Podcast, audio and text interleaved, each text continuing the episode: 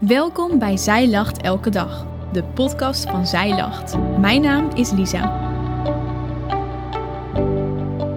Dit is de overdenking van 14 juli door Joanne van de Vendel. Ken jij het spelletje Doen, Durven of de Waarheid? Als kind heb je het misschien wel eens gespeeld. Tijdens het spelen van dit spel word je door een vriendje of vriendinnetje uitgedaagd om iets te doen. Iets spannends te durven of de waarheid over iets te spreken. In de wapenrusting van God worden we hier ook in uitgedaagd. Vandaag onderzoeken we het eerste onderdeel van de wapenuitrusting: de waarheid.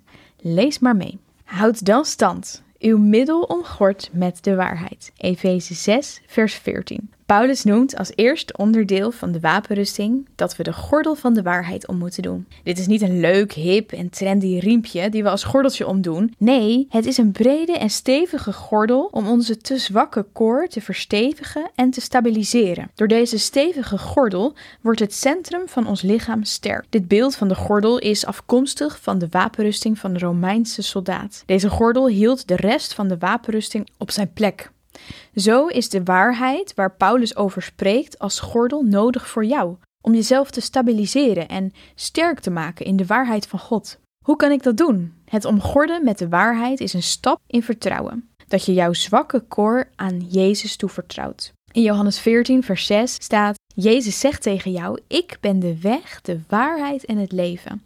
Wanneer we de gordel omdoen, activeren we de gordel door in gebed te vragen of de Heilige Geest ons wil laten zien op welke plekken we ons mogen omgorden met Jezus. Jezus is de waarheid en Hij wil niets liever dan de waarheid zijn waar jij jouw leven op baseert. Dit kan in het leven best een uitdaging zijn. Zeker wanneer je in je leven pijnlijke en kwetsbare momenten hebt gekend. Hoe mooi is het dat we juist op die zwakke plekken ons mogen omgorden met Jezus Christus. Hij zal ons sterk maken en ons de kracht geven om in die zwakheid samen met Hem de overwinning in je strijd te behalen.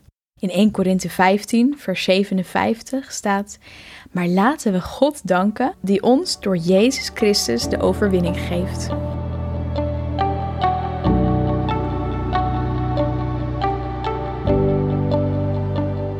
Dankjewel dat je hebt geluisterd naar de overdenking van vandaag.